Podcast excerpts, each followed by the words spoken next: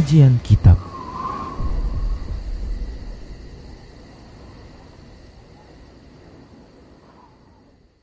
Bismillah, Assalamualaikum warahmatullahi wabarakatuh. Innal hamdalillah Nahmaduhu wa nasta'inuhu wa nastaghfiruh Wa na'udhu billahi min syururi anfusina wa min sayyiati a'malina. Man yahdihillah fala mudilla lah Wa man yudlilhu fala hadiya lah وأشهد أن لا إله إلا الله وحده لا شريك له وأشهد أن محمدا عبده ورسوله صلى الله عليه وسلم. قال الله تبارك وتعالى يا أيها الذين آمنوا اتقوا الله حق تقاته ولا تموتن إلا وأنتم مسلمون.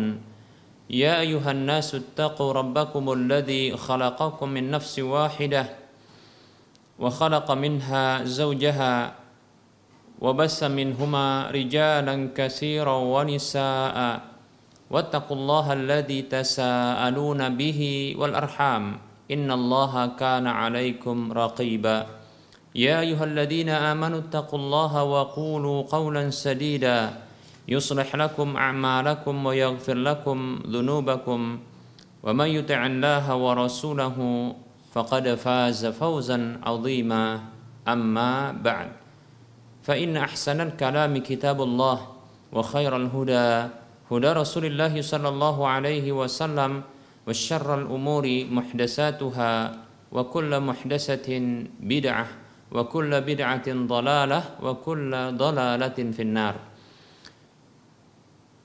Para muslim, para hamba Allah rahimani wa rahimakumullah. Alhamdulillah. Ucapan seorang muslim sebagai seorang hamba Allah Subhanahu wa taala yang menyadari bahwa Allah Subhanahu wa taala adalah zat yang telah memberikan kebaikan-kebaikan kepadanya. Maka dia mengucapkan pujian dan sanjungan kepada Allah Subhanahu wa taala karena dia meyakini bahwa Allah Subhanahu wa taala yang telah memberikan semua kebaikan itu kepadanya. Kemudian selawat dan salam mari kita ucapkan untuk nabinya Muhammad sallallahu alaihi wasallam. Semoga Allah Subhanahu wa taala menjadikan kita sebagai pengikut setia Nabi dan Rasulnya Nabi kita Muhammad sallallahu alaihi wasallam sampai Allah Subhanahu wa taala mewafatkan kita. Para pemirsa, Rosa TV dan para pendengar Radio Medan Mengaji di mana saja Anda berada.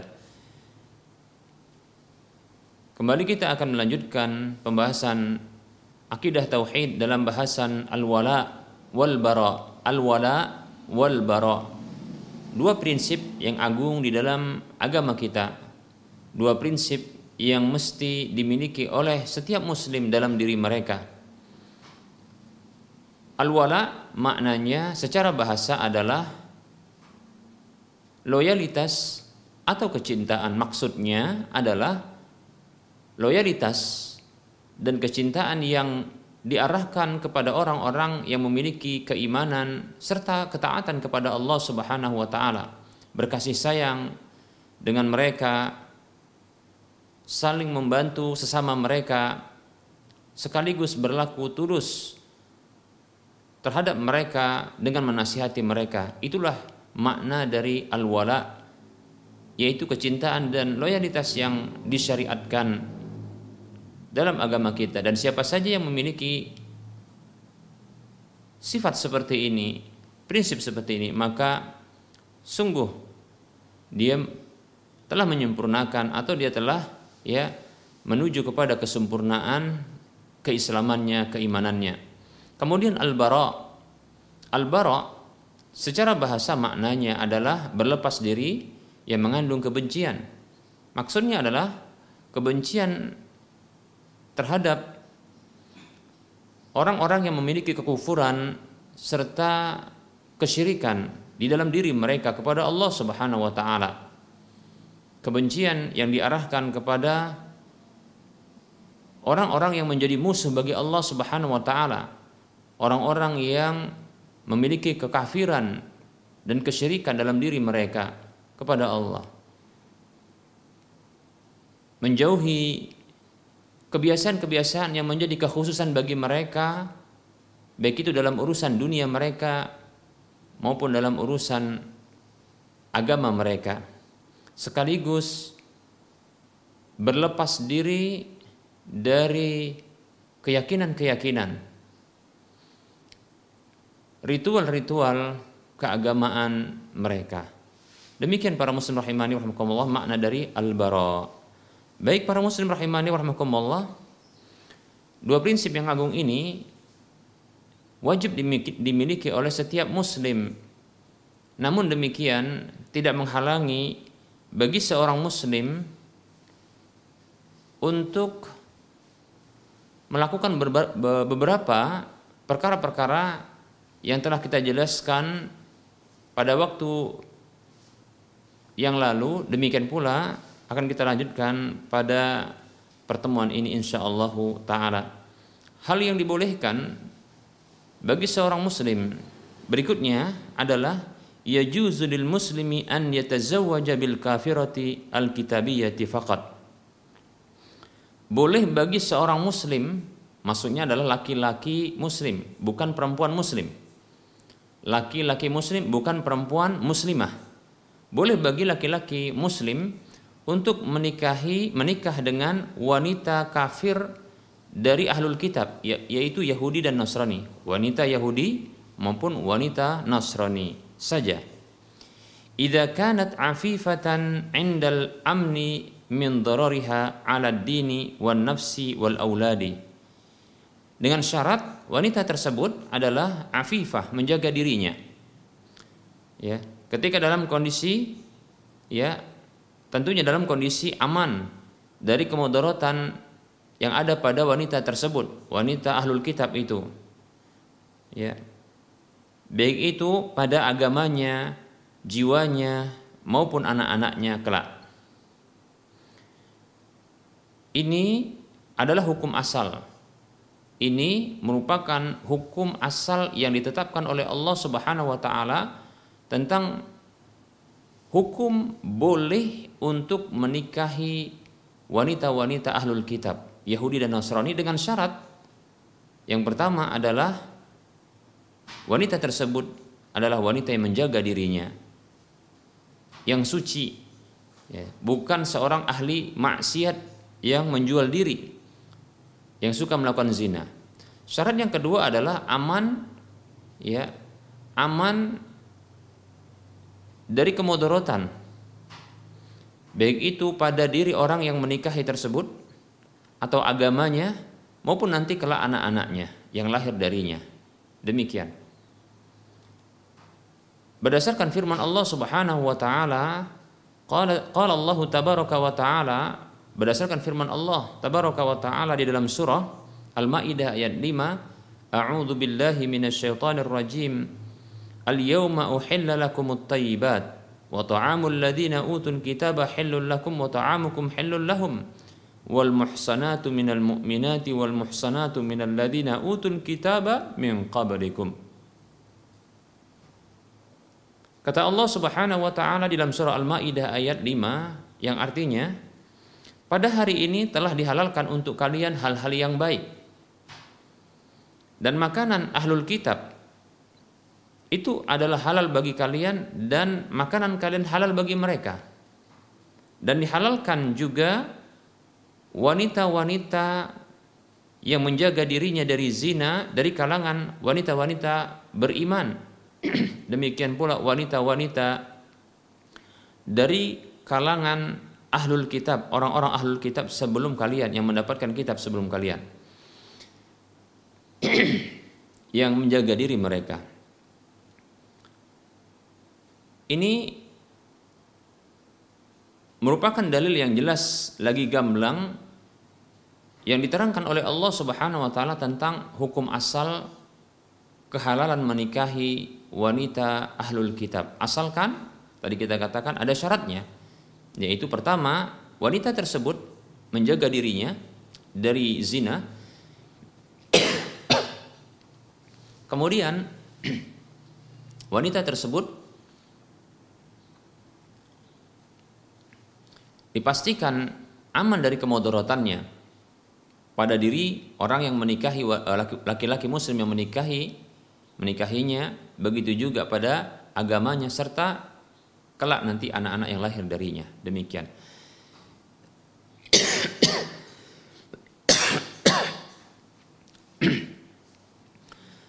Wal muhsanatu hiyal afifatu aniz zina.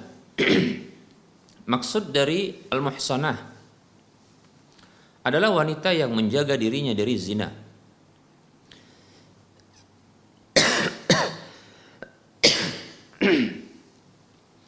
wa in kana al-aula lil muslimi alla yatazawwaja bi kafiratin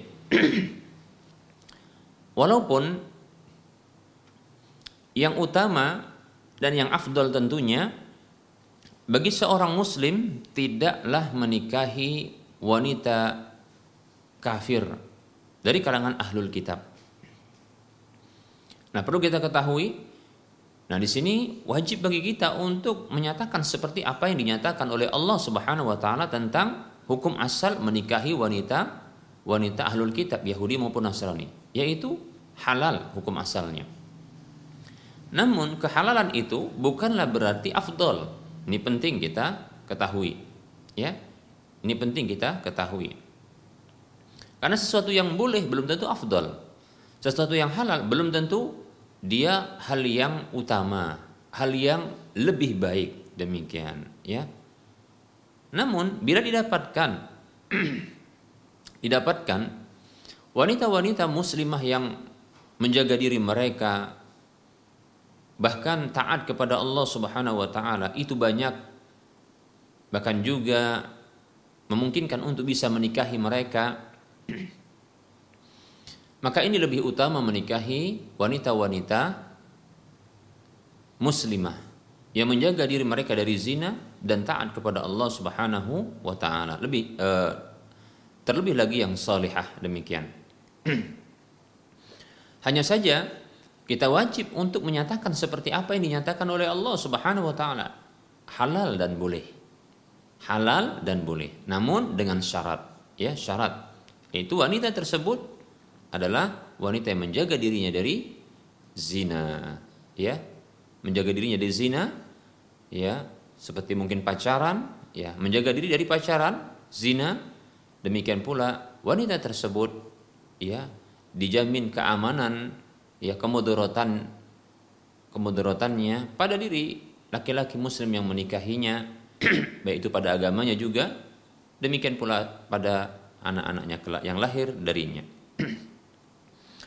Li'anna dzalika aslamu lahu wa Karena hal tersebut yaitu tidak menikahi wanita ahlul kitab ya, itu lebih selamat bagi dirinya dan bagi anak keturunannya. Demikian para muslim rahimani wa rahimakumullah. Di dalam kitab Asy-Syarhul Kabir di juz yang ke-20 di halaman yang ke-348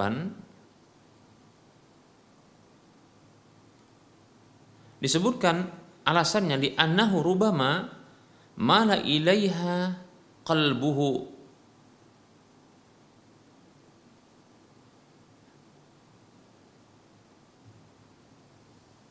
Wa eh, fafatanathu wa rubama kana bainahuma waladun fayamilu ilaiha. Karena ya karena hal tersebut barangkali akan membuat hatinya condong kepada wanita ahlul kitab tersebut yaitu yang telah dinikahinya. Lalu ternyata itu menjadi ujian berat bagi dirinya yaitu condong kepadanya.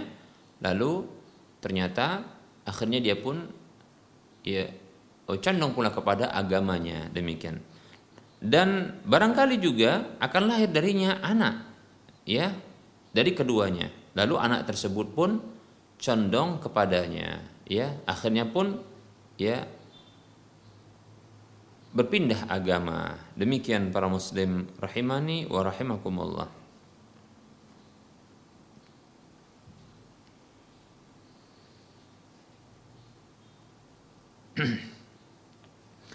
Walidzalika ataba Umar bin Al-Khattab radhiyallahu anhu ba'da man tazawwaja bi kafiratin wa wa amarahu amrun nadmin bi talaqiha. Oleh karenanya kita dapatkan Abdul uh, Umar bin Khattab radhiyallahu an itu pernah mencela sebahagian orang yang menikahi wanita-wanita kafir yaitu wanita ahlul kitab. Dan beliau memerintahkan untuk mentalaknya dengan perintah anjuran saja. Demikian para muslim rahimani wa rahimakumullah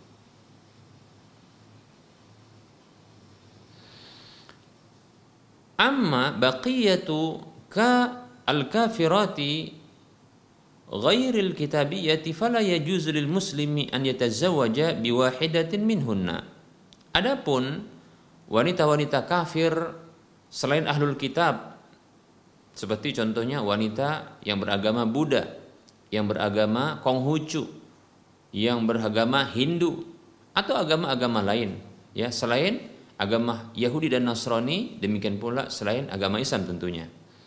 Maka tidak boleh bagi seorang laki-laki muslim untuk menikahi salah seorang dari mereka. Liqaulihi ta'ala berdasarkan firman Allah ta'ala wala tankihu al-musyrikati hatta yu'min. Allah berfirman dalam surah Al-Baqarah ayat 221 Allah mengatakan dan janganlah kalian menikahi wanita-wanita musyrik sampai mereka beriman beriman Demikian, ya. Surah Al-Baqarah ayat 221. Fa in tazawwaja biha fan nikahu batilun bi ijma'i ahli ilmi. Namun apabila seorang maka apabila seorang laki-laki muslim menikahi wanita kafir selain ahlul kitab seperti wanita Buddha, wanita Hindu, wanita Konghucu dan yang lainnya maka nikahnya batil, batal nikahnya berdasarkan ijma kesepakatan seluruh para ulama. Demikian para muslim rahimani wa rahimakumullah.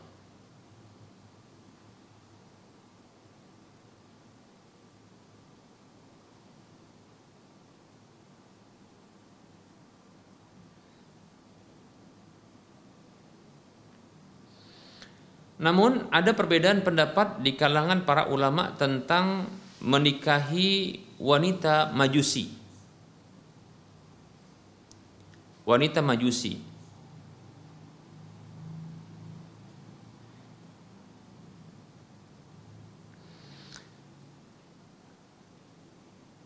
Ada sebagian ulama yang mereka menduga ya bahwasanya Wanita Majusi itu berpegang dengan suhufnya Nabi Ibrahim, begitu juga Nabi Syed, begitu juga Zaburnya ya Nabi Daud. Namun pendapat yang tepat tentang masalah ini ya bahwasanya haram untuk menikahi wanita Majusi demikian, wanita Majusi demikian. Ya. Jadi para ulama ada berbeda pendapat tentang wanita majusi.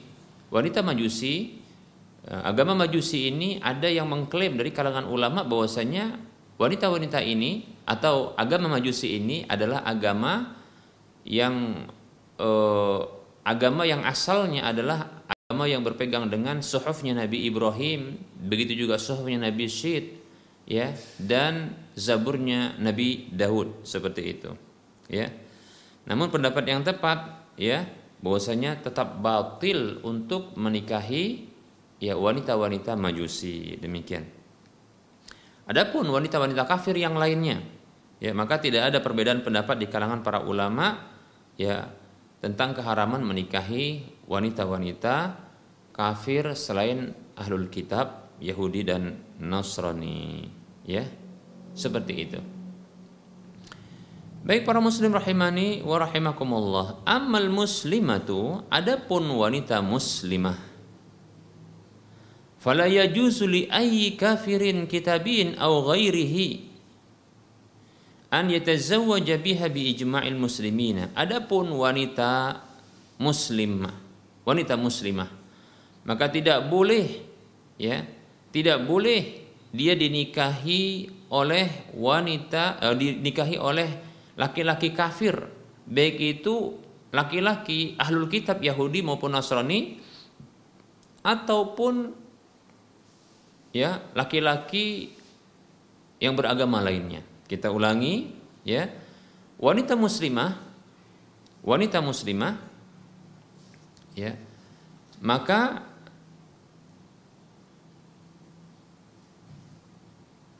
wanita muslimah dilarang, diharamkan menikah dengan laki-laki kafir. Baik itu ahlul kitab maupun bukan ahlul kitab. Baik itu Yahudi, Nasrani maupun yang lainnya seperti Hindu, laki-laki Hindu, laki-laki Buddha, ya, laki-laki Konghucu dan yang lainnya. Ini haram, ya, tidak boleh berdasarkan ijma para ulama. Demikian para hamba Allah rahimani wa rahimakumullah.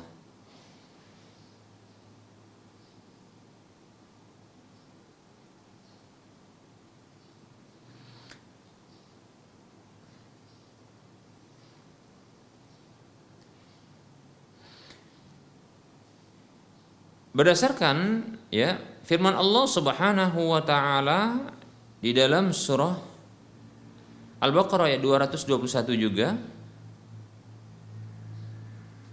Allah berfirman A'udzu billahi minasyaitonir rajim wala tunkihul musyrikin hatta yu'minu dan janganlah kalian menikahkan yaitu wanita-wanita yang muslimah beriman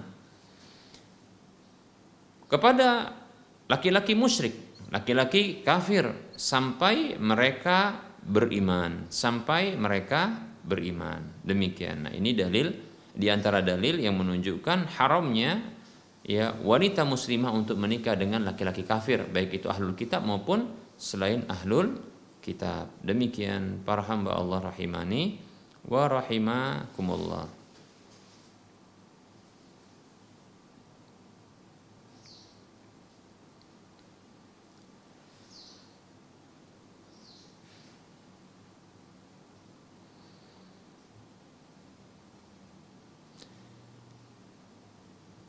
Baik para muslim rahimani wa rahimakumullah.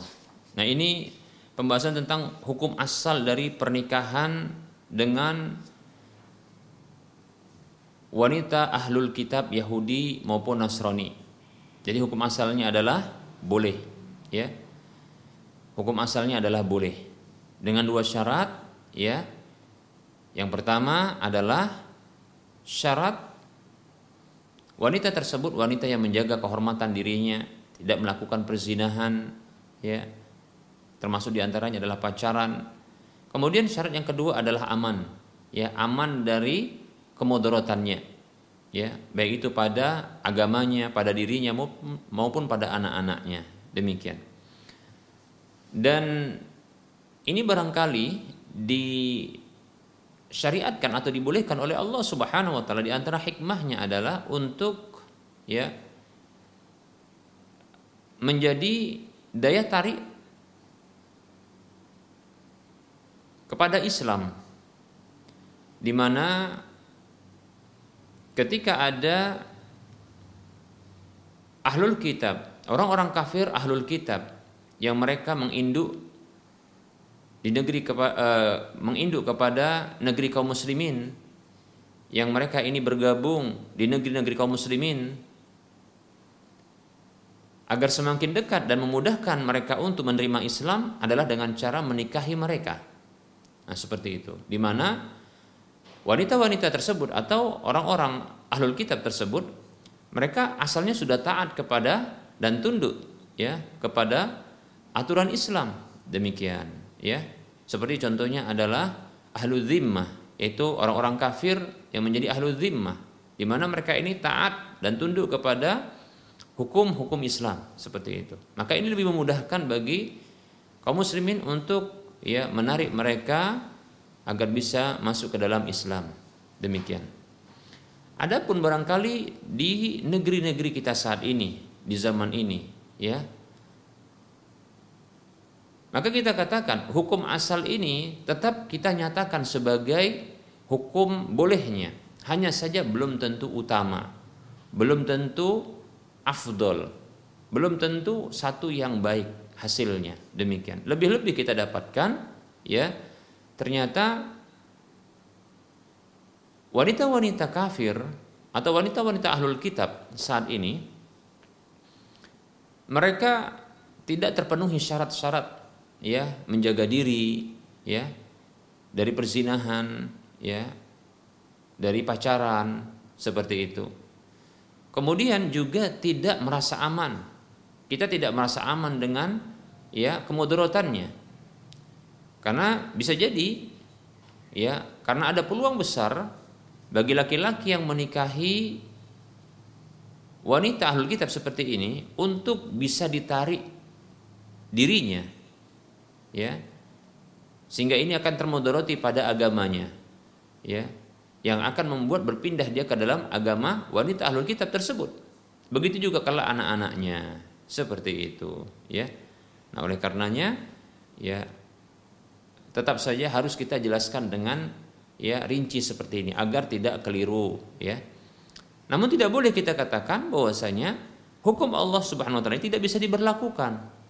Bukan demikian ya. Kita tetap harus menyatakan hukum asal. Kita tetap harus menyebutkan tentang hukum asal tersebut. Dan tentunya dengan syarat karena memang disebutkan ya karena disebutkan firman Allah Subhanahu wa taala tersebut itu dengan bentuk pensyaratan ya dengan bentuk pensyaratan ya. Disebutkan bahwasanya ya Allah Subhanahu wa taala berfirman, "Al-yauma uhilla lakumut thayyibat wa ta'amul ladzina utul kitaba halal lakum wa ta'amukum halal lahum wal muhsanatu minal mu'minati wal muhsanatu minal ladzina utul kitaba min qablikum idza ataitumuhunna ujurahunna muhsinina ghaira musafihina wala muttakhidhi akhdan." ya jadi disebutkan dengan muhsanat ini ini dalilnya ya muhsanat disebutkan dalam firman Allah ini menunjukkan dia adalah wanita yang menjaga dirinya. Ya wanita yang menjaga dirinya ya dari segala bentuk ya eh, dosa-dosa yang terkait dengan kelamin ya dengan kemaluan seperti itu ya.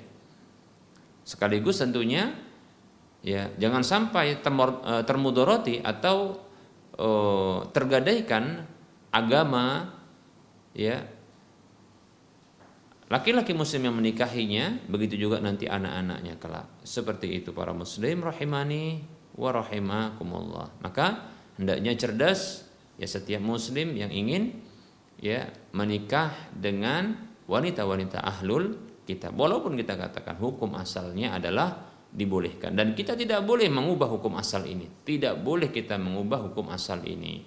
Hanya saja dengan terpenuhi syarat-syaratnya ya kemudian kita boleh jelaskan tentang sesuatu yang lebih afdol darinya tentunya ini adalah e, sesuatu yang penting untuk dijelaskan pula agar ini menjadi jelas dan gamblang bagi setiap kaum muslimin. Demikian para muslim rahimani wa rahimakumullah.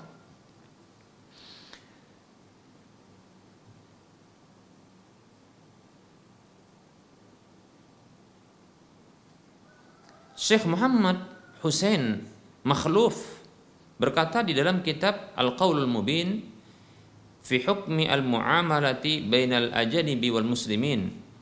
Di halaman yang ke-106 dan 107 wal manhiyu anhu syar'an minal muwalati al mailul qalbi wal intifa wal in itafu an nafsi alladhi yadkhulu tahta taqati takalifi dunal mail tabi'i alladhi taqtadihi wasailuhu ad-daruriyatu wala silata lahu aslan bid-dini wal aqidati Wa min dzalika mailu zauji al-muslimi ila zaujatihi ghairal muslimati. Fahuwa ma'fun anhu. Naam yajibu alla yablugha hadzal mailu al-qalbi mablagh al-isari li'annahu qad yadfa'u ila istihsani tariqatihi wa ridha bi diyanatihi wa aqidatihi wa dzalika kufrun bawahun. Beliau mengatakan sesuatu yang terlarang secara syar'i dari bentuk loyalitas adalah kecondongan hati ya kecenderungan jiwa yang masuk ke dalam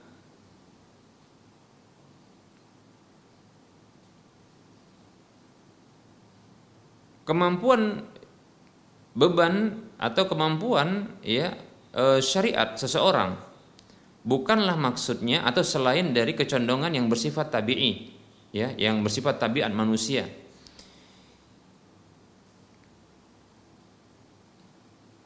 Yang dituntut oleh sarana-sarana yang bersifat darurat. Yang tidak ada hubungannya pula dengan agama dan akidah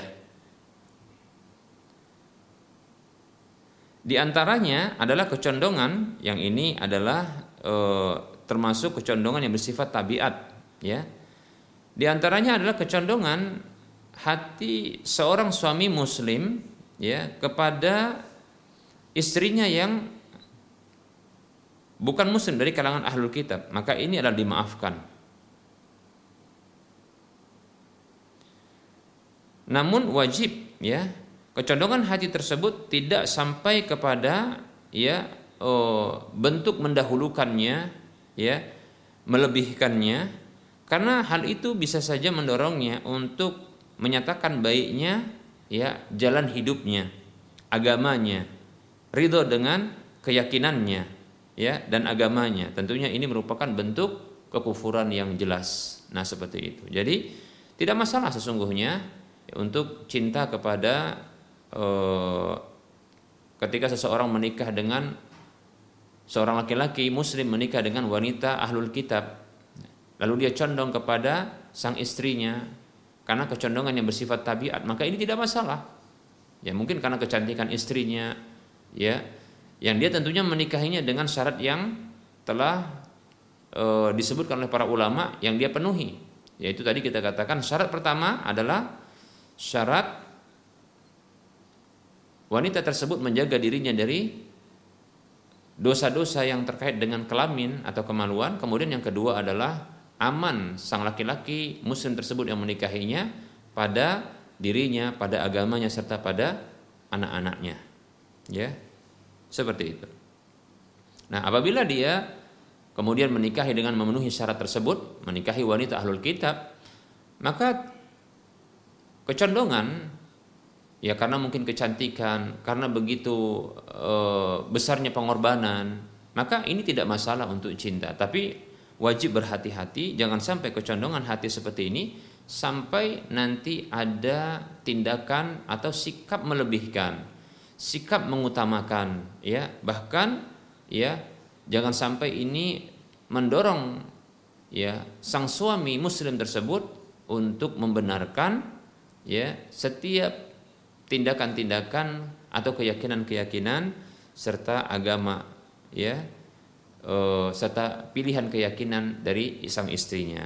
Demikian. Nah ini tentunya yang yang terlarang tentunya seperti itu. Oleh karenanya inilah yang membuat Umar radhiyallahu an itu mencela sebagian laki-laki kaum muslimin di masa kekhalifahan beliau yang menikahi wanita-wanita ahlul kitab. Demikian. Bahkan beliau memerintahkan untuk mentalaknya. Karena kekhawatiran mereka ya ada kecondongan yang melebihkan agama e, istri yang kafir tersebut.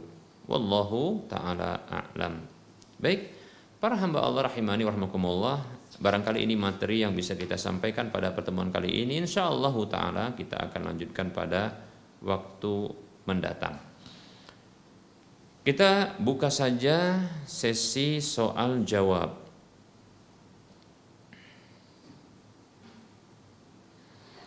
Ada pertanyaan Assalamualaikum warahmatullahi wabarakatuh. Ustaz izin bertanya Apa boleh seorang yang sudah belajar agama Menonton film India Ustaz? Mohon penjelasannya Ustaz. Syukron.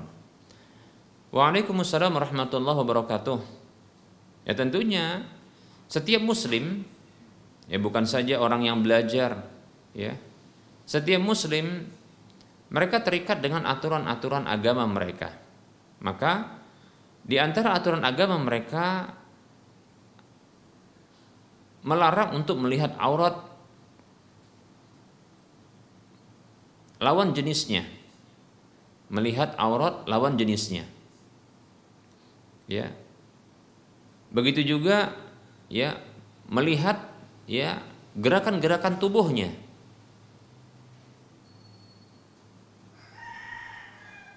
Demikian pula dilarang ya untuk berinteraksi dengan musik-musik dan tentunya lagu-lagu juga.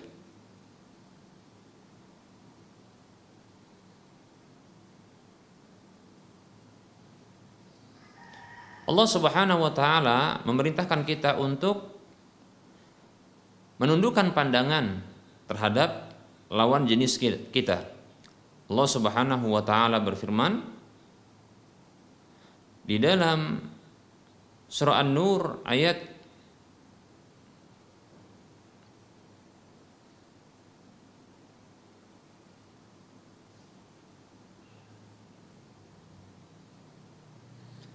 Tiga puluh Allah mengatakan A'udzu billahi minasyaitonir rajim Qul lil mu'minina yaghuddu min absarihim wa yahfadhu furujahum Dzalika azka lahum innallaha khabirum bima yasnaun Katakanlah wahai Muhammad sallallahu alaihi wasallam kepada laki-laki beriman agar mereka menundukkan pandangan mereka dan menjaga kemaluan-kemaluan mereka. Yang demikian itu lebih suci bagi mereka sesungguhnya Allah Maha mengetahui apa yang mereka kerjakan. Di ayat berikutnya di ayat ke-31 Allah mengatakan a'udzu billahi minasyaitonir rajim wa qul lil mu'minati yaghdudna min absarihinna wa yahfazna furujahunna. Dan katakanlah kepada wanita-wanita beriman agar mereka menundukkan pandangan mereka dan menjaga kemaluan-kemaluan mereka. Demikian ya ini perintah untuk menundukkan pandangan. Ya sementara ya namanya film ya tentu mereka menampakkan dalam film tersebut aurat-aurat lawan jenis ya baik laki ataupun perempuan. Bahkan hal-hal kemesuman yang terkadang terjadi di dalamnya. Begitu juga terkadang terkadang hal-hal kekerasan yang muncul di dalamnya yang sangat mungkin terjadi. Ya. Hedonisme, ya, kehidupan yang begitu uh, vulgar, kehidupan yang begitu liar, barbar. Nah, seperti itu kira-kira, ya. Maka kita katakan ini di luar dari ajaran ya Islam tentunya, ya, demikian. Ditambah lagi, ya kita tahu ya uh, bahwa Film-film tersebut tidaklah lepas dari musik-musik. Sementara ya Nabi kita Muhammad Shallallahu Alaihi Wasallam ya ini telah mengharamkan musik ya dengan mengharamkan alatnya. Ya. Rasulullah Shallallahu Alaihi Wasallam bersabda, "La yakunanna aqwamun min ummati yastahillu yastahilluna al-hirra wal harira wal khamra wal ma'azif. Hadis riwayat Bukhari. Kata Nabi wasallam, sungguh kelak benar-benar akan ada beberapa golongan dari umatku ini yang mereka menghalalkan menghalalkan kemaluan, menghalalkan sutra bagi laki-laki dan menghalalkan khamar, minuman keras sekaligus menghalalkan ma'azif, alat musik. Demikian, ya. Seperti itu. Ini menunjukkan bahwasanya memang musik, alat musik, musik itu diharamkan ya dengan diharamkannya alatnya. Demikian para muslim rahimani warahmatullah. Maka tidak pantas bagi setiap mukmin ya. Bukan saja orang yang sudah belajar ya, tapi setiap mukmin. Semoga Allah Subhanahu wa taala memberikan taufik kepada kita, kekuatan iman kepada kita untuk bisa menjauhi hal-hal yang diharamkan oleh Allah Subhanahu wa taala. Baik ya, keharaman-keharaman yang besar dosanya maupun yang kecil dosanya. Wallahu taala alam.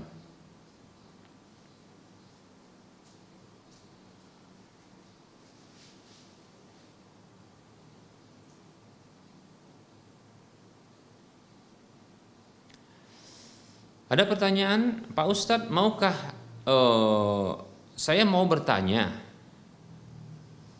mau bertanya, apa hukum hukuman apa hukumnya riba bila kita mengambil pinjaman di bank? Mohon penjelasannya.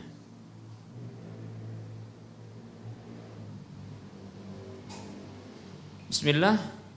Perlu diketahui bahwasanya perbankan-perbankan yang mereka memberlakukan hutang lalu dipersyaratkan adanya tambahan pada hutang tersebut maka ketahui ini adalah riba setiap lembaga-lembaga keuangan kita tidak hanya katakan bank karena bisa jadi ada lembaga-lembaga yang lain ya atau kita katakan perorangan. Yang dia memiliki dana, uang yang dihutangkan, yang dalam bahasa keseharian kita dipinjamkan, yang lebih tepat adalah dihutangkan. Ya. Lalu disepakati adanya tambahan ketika pengembalian. Maka ketahui sesungguhnya setiap hutang yang menarik atau yang menyepakati adanya tambahan manfaat maka ini adalah riba. Kaidah yang sangat mendasar dalam agama kita yang ini ijma para ulama seluruhnya untuk mengamalkannya dan ini adalah perkataan ya sahabat-sahabat di antaranya Abdullah ibnu Mas'ud Abdullah ibnu Salam, Abdullah ibnu Abbas dan yang lainnya radhiyallahu anhum ajma'in. Mereka mengatakan kullu qardin jarra naf'an fahuwa wajuhun min wujuhir riba. Atau kama qalu. Setiap hutang piutang yang menarik keuntungan, yang menarik manfaat, yang menarik tambahan, maka itu salah satu dari bentuk-bentuk riba. Yang disebut dengan riba al-qard, riba hutang piutang. Demikian. Walaupun dengan alasan dinamakan bukan hutang tapi pinjam, sama saja. Sesungguhnya adalah hutang. Demikian. Atau dengan nama yang lain seperti contohnya mudorobah, akad bagi hasil. Seolah-olah pihak lembaga keuangan tersebut, baik itu perbankan ataupun yang lainnya, atau pribadi sifatnya, itu seperti memberikan modal. Ya. Bukan hutang katanya atau bukan pinjaman, ini hanya modal saja. Maka perlu kita ketahui permodalan syariah dalam agama kita ya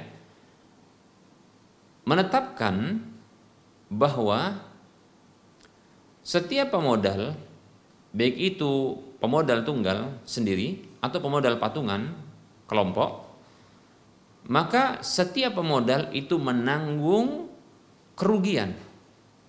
Menanggung kerugian yang bersifat alami kerugian tersebut yang disebut dengan karena adanya force major ya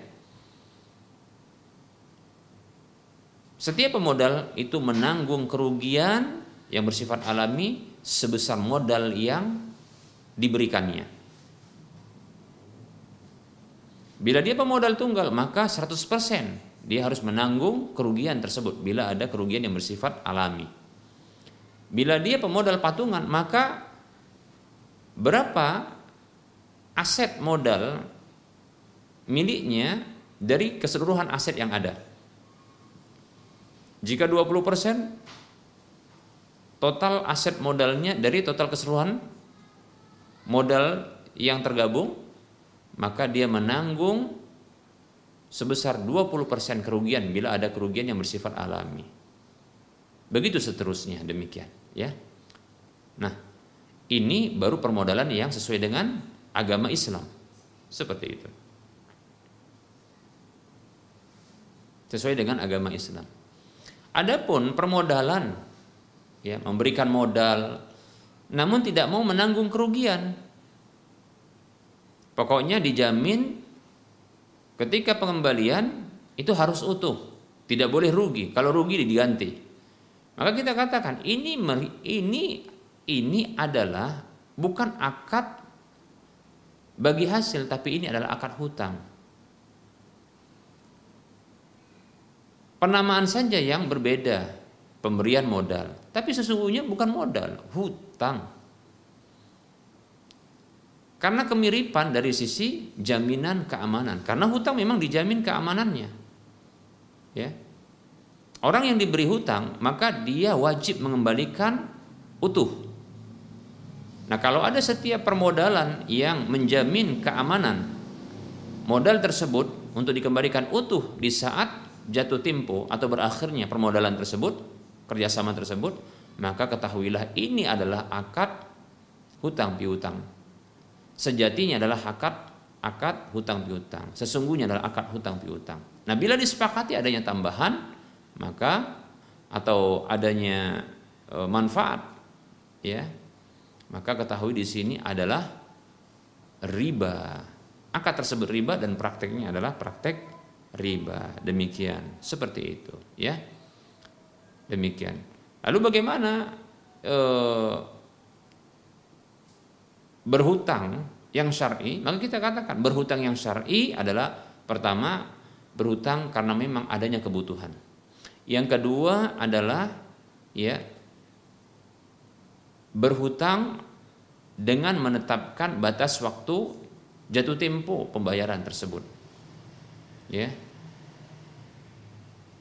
Yang ketiga adalah berhutang ya dengan memberikan jaminan ya yang sebaiknya jaminan ini adalah senilai atau lebih besar dari nilai hutang seperti itu. Yang berikutnya adalah dia mampu untuk membayar atau melunasi hutang tersebut. Demikian, ya. Ini ini namanya hutang piutang yang disyariatkan. Dan berikutnya adalah tidak ada kesepakatan, syarat berikutnya tidak ada kesepakatan ya atau perjanjian untuk menambah ya pengembalian hutang tersebut, nilai hutang tersebut, ya. Apa saja bentuk manfaatnya atau apa saja tambahannya, ya. Baik itu ya uang atau manfaat-manfaat yang lainnya, ya. Seperti mungkin seperti kalau di kampung-kampung atau di desa-desa, ya orang yang memberikan piutang kepada orang yang berhutang, maka e, barang gadaian dari orang yang berhutang tersebut seperti contohnya lahan ya atau mungkin e, rumah ini ditempati atau di dikelola. Lalu hasilnya keuntungannya digunakan secara pribadi oleh orang yang memberi piutang. Ini adalah riba termasuk walaupun dia tidak dapatkan uang namun didapatkan manfaat. Ini adalah riba. Ya jadi menggunakan barang gadaian ya karena ada hutang tentunya maka ini adalah riba. Wallahu taala a'lam.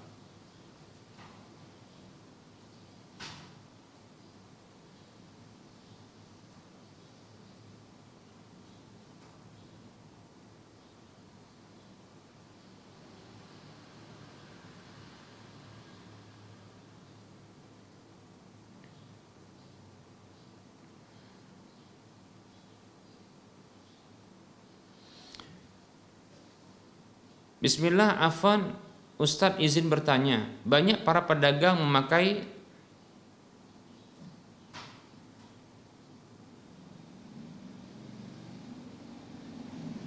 banyak para pedagang yang memakai timbangan yang memakai pegas atau pir. Padahal di kota tempat timbangan tertulis eh, di kota tempat timbangan tertulis tidak dipakai untuk jual beli. Bagaimana hukum jual beli tersebut?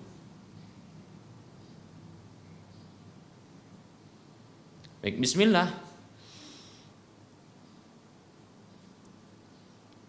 Jika memang tertulis di kota tempat penyimpanan timbangan tersebut neraca itu tidak dipakai untuk jual beli maka bisa kita pastikan bahwasanya memang timbangan seperti ini tidak layak untuk jual beli. Bisa jadi karena ketidakakuratannya. Sehingga sangat mungkin ya nilai timbangan tersebut tidaklah menunjukkan hal yang sesungguhnya. Maka di sini menunjukkan ya eh, kecurangan ya atau kita katakan ini bisa jadi akan memunculkan kecurangan ya timbangan yang tidak tepat dan ini tentunya kedoliman ya apabila secara sengaja ini digunakan oleh para pedagang untuk hal yang demikian. Ya. Yang sangat bisa jadi para pedagang ini akan mendapatkan keuntungan karena ya bisa jadi ternyata e, timbangan tersebut adalah timbangan yang dia tidak menunjukkan yang sesungguhnya. Namun yang ini akan berakibat merugikan dari para pembeli, maka para pedagang ini mereka berdosa. Para pedagang ini mereka berdosa. Karena itu merupakan bentuk kecurangan, bentuk rish. Karena mereka tahu bahwasanya ternyata bila ditimbang, ya, bila ditimbang, ternyata tidaklah menunjukkan yang sebenarnya dan ini akan merugikan dari para pembeli. Maka mereka telah melakukan dosa rish, ya, kecurangan. Kata Nabi SAW, Man ghasyana falaysa minna. Siapa saja yang mencurangi kami, ya maka dia bukan termasuk golongan kami. Hadis riwayat Bukhari dan Muslim. Demikian, ya. Namun bila pihak pedagang atau penjual mereka mengetahui bahwa sesungguhnya timbangan yang memakai model pegas ini atau pir ini ternyata ini tidak akurat namun membuat mereka rugi para pedagang rugi. Dia tahu bahwasanya kalau seandainya ditimbang sekilo maka bila ditimbang dengan yang lebih akurat timbangan yang akurat maka ini satu kilo lebih. Dan mereka mengetahui hal tersebut maka pengetahuan mereka itu sesungguhnya ya keredoan mereka untuk memberikan kelebihannya Nah seperti itu. Maka Allah taala alam bagi pedagang seperti ini dibolehkan saja, ya dibolehkan untuk melakukan hal seperti itu karena yang dia eh, yang yang dia lakukan adalah dia sedang ya memberikan kelebihan atas dasar keridoannya. Nah, begitu. atas dasar kerelaannya. Makanya seperti tidak mengapa. Namun bila merugikan ya pembeli, maka ketahuilah di sini dia telah melakukan kecurangan. Ya. Seperti itu.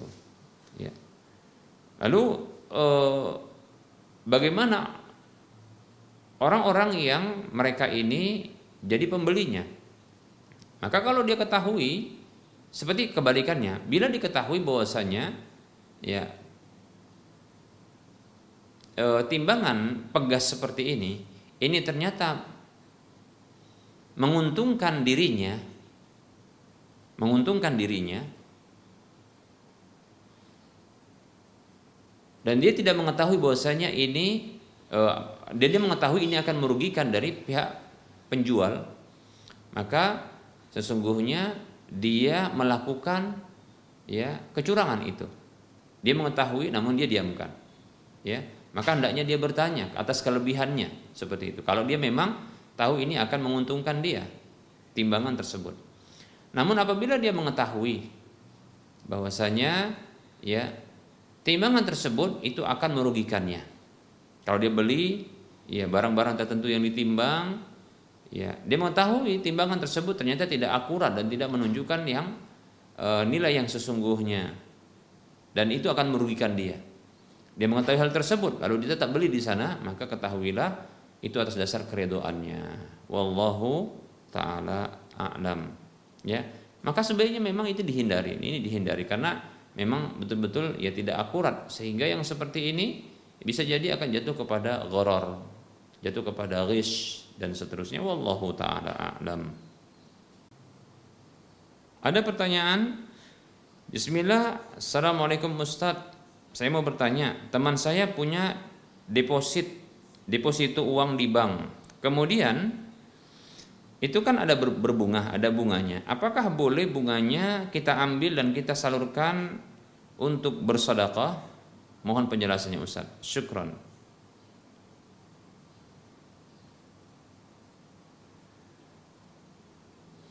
Bismillah.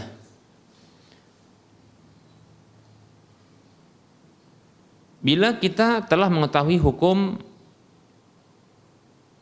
dari bunga bank dan kita belum mengambilnya, artinya belum dipisahkan bunganya tersebut ya dari pokoknya maka saya condong haram untuk mengambilnya dengan alasan apa pun.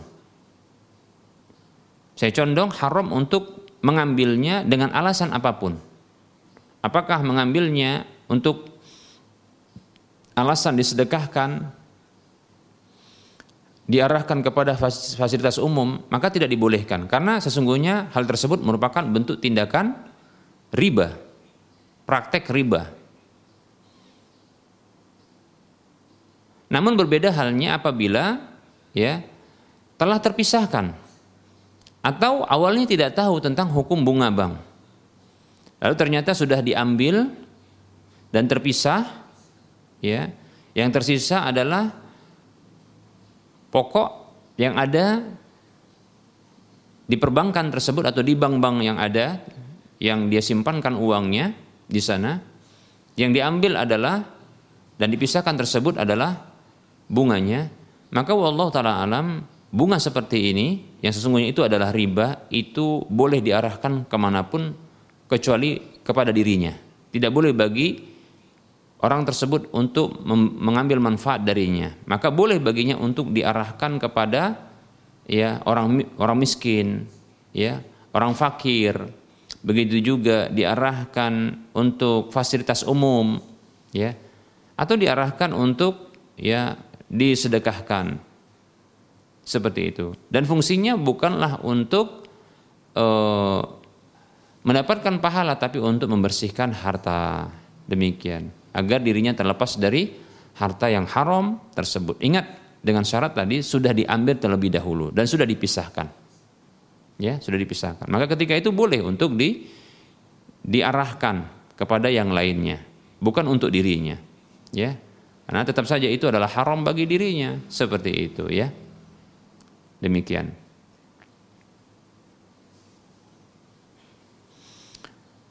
Dikecualikan dari hal ini yang tadi kita katakan adalah oh, bila kita mengetahui hukumnya. Ya, hukum haram riba tersebut. Namun ya, uang tersebut belum diambil, belum dipisahkan uang riba itu atau uang e, bunga dari e, uang yang disimpan tersebut itu belum dipisahkan, masih bersatu dan itu ada di e, di bank tersebut atau di ATM, belum diambil, belum dipisahkan, maka haram, haram ya ketika masih bergabung atau bersatu tersebut haram untuk diambil. Maka wajib bagi dia untuk mengambil pokoknya saja. Demikian, ya. Allah Subhanahu wa taala berfirman, "A'udzu billahi minasyaitonir rajim. Ya ayyuhalladzina amanu taqullaha wa daru ma baqiya minar riba in kuntum mu'minin." Wahai orang-orang beriman, bertakwalah kepada Allah dan tinggalkanlah sisa riba jikalau kalian benar-benar beriman. Tinggalkan. Ya. Tinggalkan. Seperti itu ya. Baik. Nah, ini dia. Dikecualikan dari hal ini adalah apabila ada hak kita di sana. Seperti contohnya ya kita eh, pernah ikut asuransi. Di sana asuransi adalah asuransi konvensional. Tidak bisa mengambil ya modal pokok kita kecuali bersama dengan itu mengambil ya tambahannya. Maka silahkan diambil ya semuanya kemudian ambil modal pokoknya lalu silahkan arahkan tambahannya sisanya itu ya kepada fasilitas-fasilitas umum atau kepada fakir miskin atau kepada yang lainnya. Wallahu taala alam, semoga bermanfaat. Baik, barangkali para muslim rahimani rahimakumullah ini saja yang bisa kita sampaikan uh, kajian kita pada pertemuan kali ini mohon maaf bila ada kesalahan dan kekurangan serta kekeliruan. Kepada Allah saya mohon ampun dan kepada para pemirsa sekalian saya mohon maaf. Dan kembali kita ingatkan untuk mari kita berdonasi mengarahkan sebagian harta kita ya untuk pembebasan lahan yang nantinya akan dibangun di atasnya Masjid Al-Muwahhidin, Masjid Al-Muwahhidin untuk wilayah Medan dan sekitarnya. Silakan arahkan ya donasi Anda ke nomor rekening Bank Syariah Mandiri atau Bank Syariah Indonesia di nomor 71274855555. Saya ulangi, arahkan ya donasi Anda, infak dan sedekah Anda yang akan mengalir pahalanya terus ke Bank Syariah Mandiri atau Bank Syariah Indonesia di nomor 71274855555 atas nama Yayasan Lajana Dakwah Medan kode bank 451.